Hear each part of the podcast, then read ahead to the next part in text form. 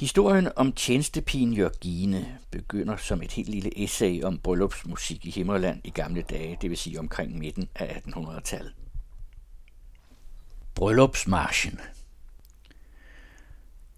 Noget eget nyfødt i lyset og den kolde, klare luft på tidlige aprildage kan endnu ved en eller anden hemmelig indre forbindelse, efter 40-50 års forløb og vidt fjernet fra Jylland, bringe mig til at tænke på en gammel jysk bryllupsmarsch – klarinettoner på heden, og en rullende, rullende lyd af mange vogne.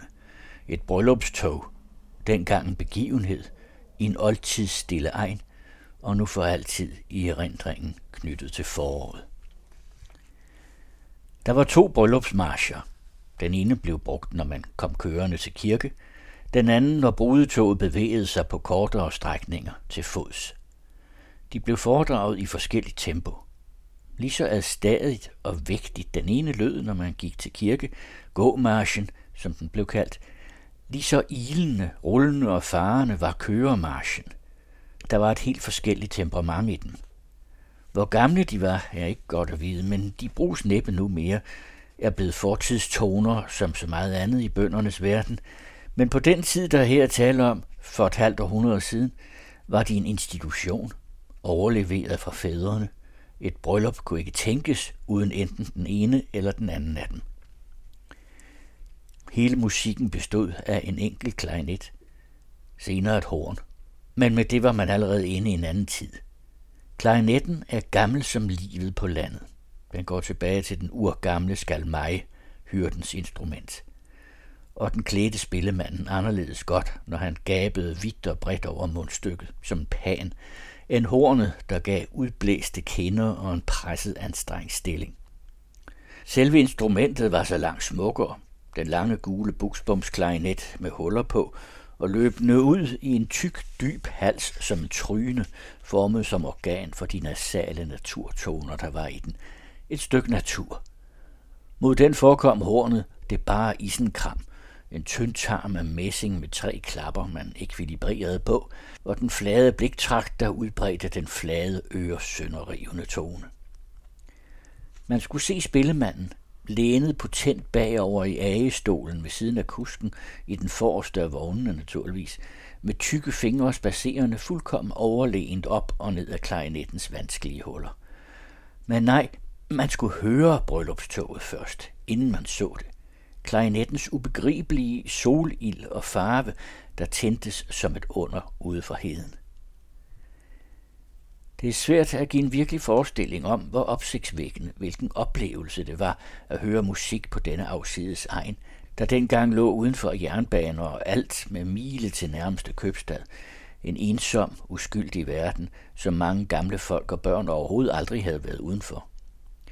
På de tre sider omgivet af hede og udstrakte kær, til den fjerde er åbent uendeligt agerland med en øde horisont. En øde horisont i alle fire himmelhjørner rundt. Og så en landevej tværs igennem i syd og nord.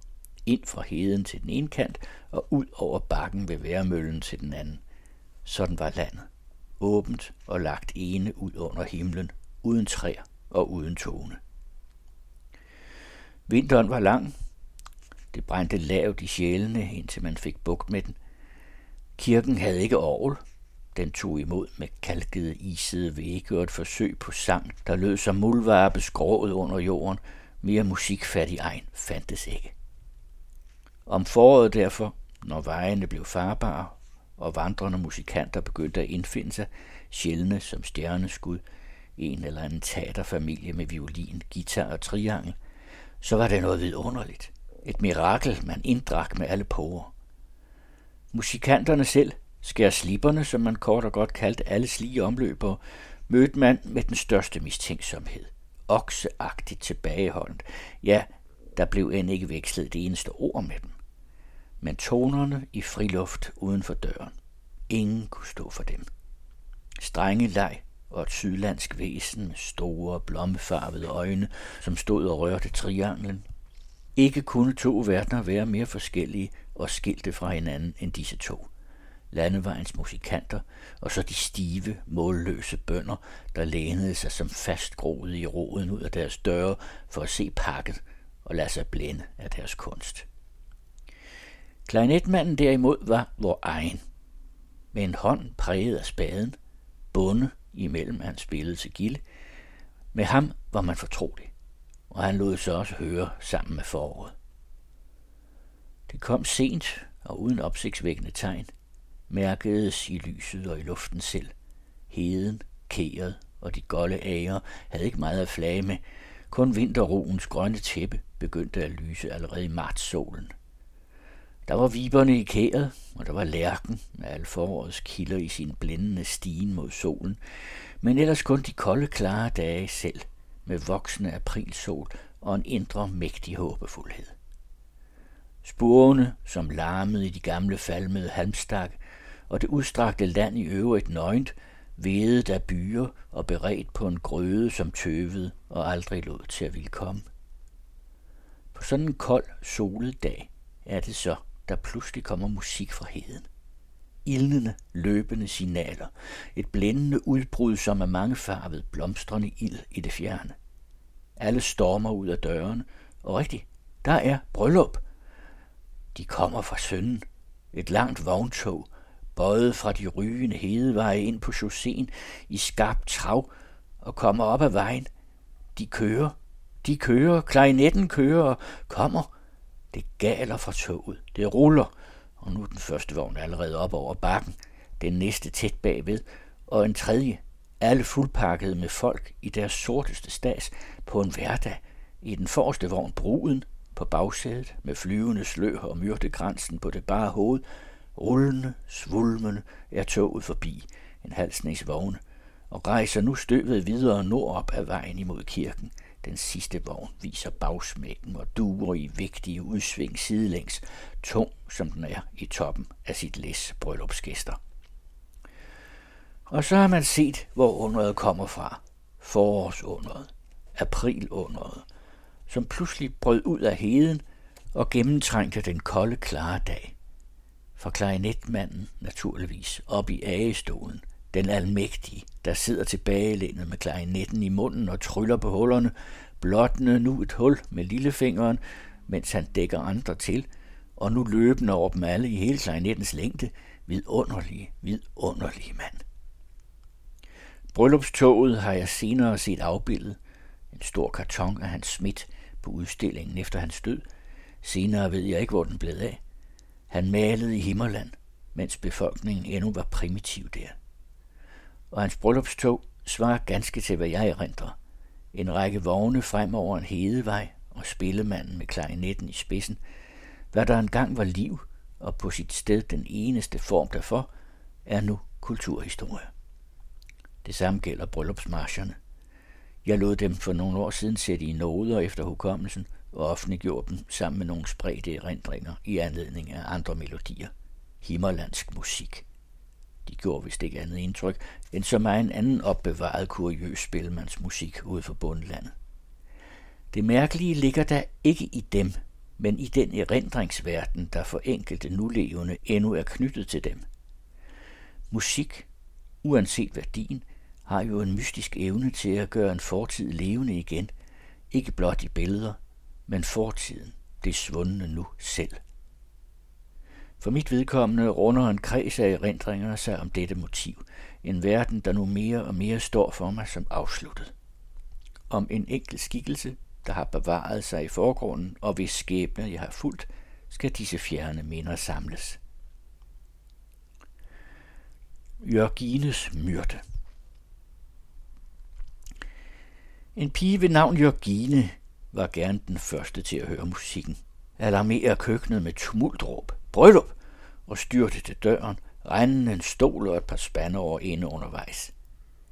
Ude på vejen stod hun der blændet af solen med en hånd op over brynene, smilende som en sol i solen, uden at tænke på, at hun var i sikkelærets forklæde, med kartoffelskræl op ad armene og i store træsko – og når toget var forbi, knugede hun hænderne sammen og vendte øjnene mod himlen i særlig deltagelse, lykkelig på andres vegne, så langt efter de kørende og kirken, rystede, rystede på hovedet. Men mælet fik hun igen, når hun bagefter sad over kartoffelskrælningen i køkkenet på ny. Med et falkeblik havde hun mærket sig, hvem der sad i vognene, bruden først og fremmest naturligvis, og brudgommen opsigtsvækkende, et par, som man jo længe havde vidst skulle giftes, og nu fandt den store begivenhed altså sted. Bruden var gårdmandsdatter, og brudgommen den og den, en beundret kal, set op til i løndom af mange med hed ydmyghed. Nu fik de der hinanden, som skulle have hinanden. Lykke i himlen og på jorden, og ikke en misundelsens dråbe blandede sig i Jørgines glæde. Hun var kun larmende henrykkelse og mere og mere stigende veltalenhed i anledning af de to, der nu gik ind til den store fryd sammen. Jørgine var veltalende, krydrede dagen lang sit arbejde med sværmerisk snak, skjulte ikke sine inderste tanker. Hvem der endda kunne køre til kirke også, og det snart. Giftermål og kæresteri var Jørgines bestandige tanke. Det stod altid på jubel med hende. Hun var i en forventning, indtil videre dog på alle andres, på al verdens vegne. Alt kæresteri på egnen, dermed vidste hun besked, og var kender, nysgerrig og lykkelig. Der var ikke den pige eller kal i Miles omkreds, hvis hemmeligste tanker og fakta hun ikke kendte.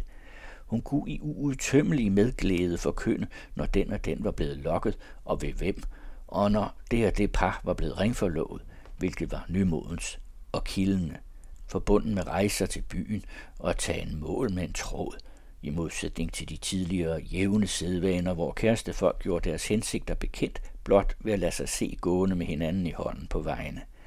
Jo, de og de havde været i Lykstør og købt ringene.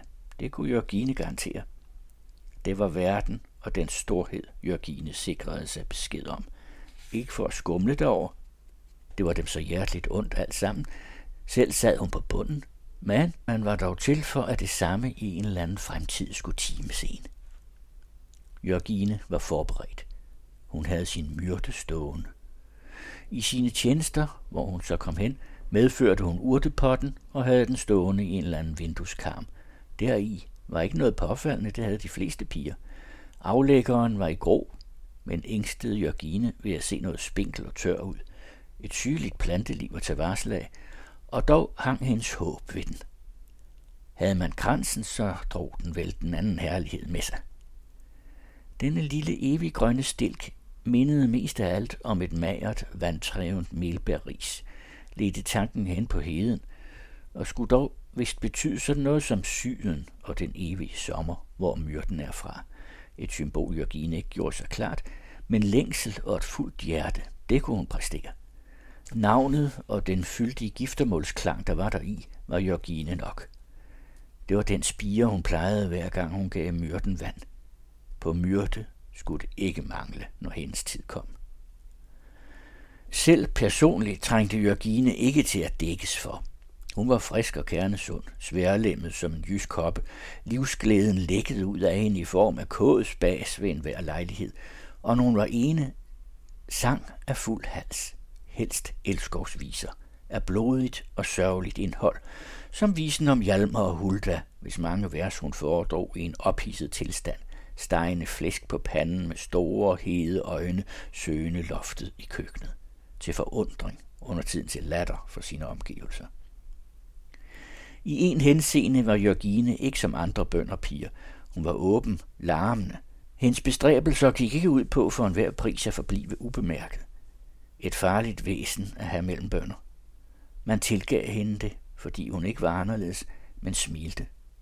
Hun var sådan en glad en, sagde man, og det betød ikke netop, at man delte hendes glæde, for hvad havde hun at være glad for? I midlertid ingenting kunne dæmpe Jørgine. Hun var 18-19 år og bruste af helbred. Hun gjorde kalearbejde, løftede en svær vogn fra jorden med den ene hånd og tog hjulet fra med den anden, når vognen skulle smøres. På de strengeste vinterdage hentede hun tørv og bare vand, som isede i spanden, væbnet mod snestormen med et snip af hovedklædet op for munden og et par muffedisser siddende som armbånd midt på de blåfrosne arme. Med kælene brødes hun under høje, glade latterskrål, en form for kælenskab, hende ubevidst, der efterlod brune og blå pletter og mærker af brolægningen på de føre kales rygstykker. Kalenes skurmageri, som kunne være groft nok, forstyrrede hende ikke. Hun havde andre forestillinger. En verden, hun så hen til og fablede om, Gud ved hvilken, og som hun i mangel af andet synligt tegn dyrkede i sin myrde. Denne verden lå så højt, at Jørgine selv med krop og blod slet ikke lod til at komme i betragtning. Det lyder latterligt, men er vist egentlig sjælfuldt, at den store, sunde pige slet ikke regnede sig selv med personligt, når hun drømte om kærlighed. For sit eget vedkommende gjorde hun sig ingen illusioner. Hun var jo forkert. Det forekommer, at frodige natur så at sige springer sig selv over på vej til, hvad der for dem står som forfinet.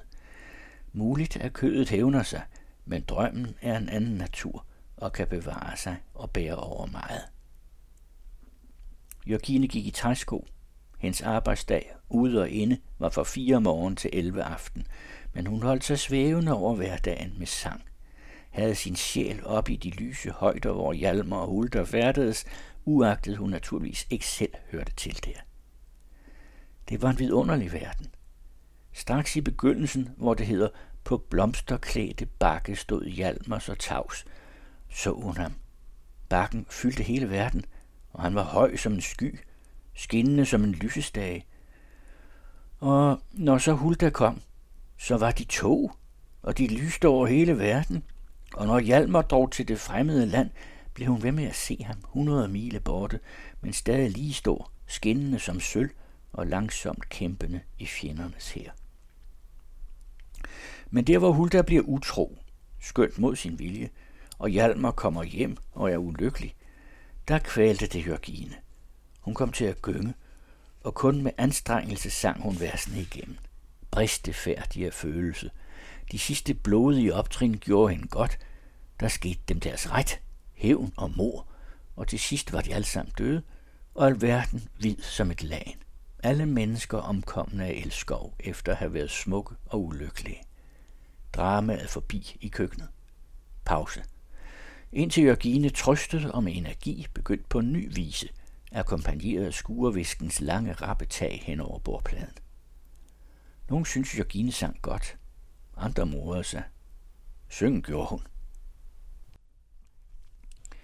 I hørte første del af Jørgine, en Himmerlands historie af Johannes V. Jensen. Den blev første gang trykt som selvstændig bog i 1926 og blev indlemmet i de samlede Himmerlandshistorier i 1933. Jørgine fortsætter i de næste uger her i Faraos Klassikere.